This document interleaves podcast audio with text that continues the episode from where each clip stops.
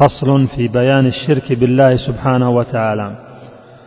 والشرك جعلك ندا للإله ولم يشارك الله في تخليقنا أحد.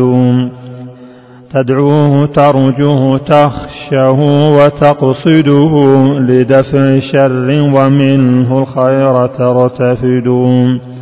وعلمه بك مع سمع الدعاء وقدرة وسلطان غيب فيه تعتقد مثل الأولى بدعاء الأموات قد هتفوا يرجون نجدتهم من بعد ما لحدوا.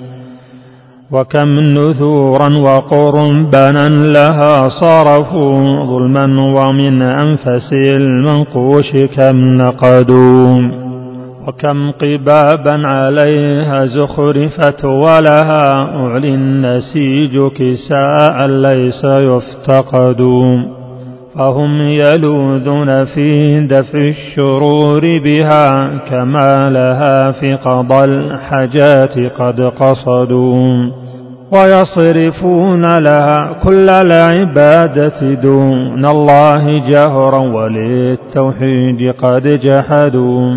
إن لم تكن هذه الأفعال يا علماء شركا فما الشرك قولوا لي أو ابتعدوا.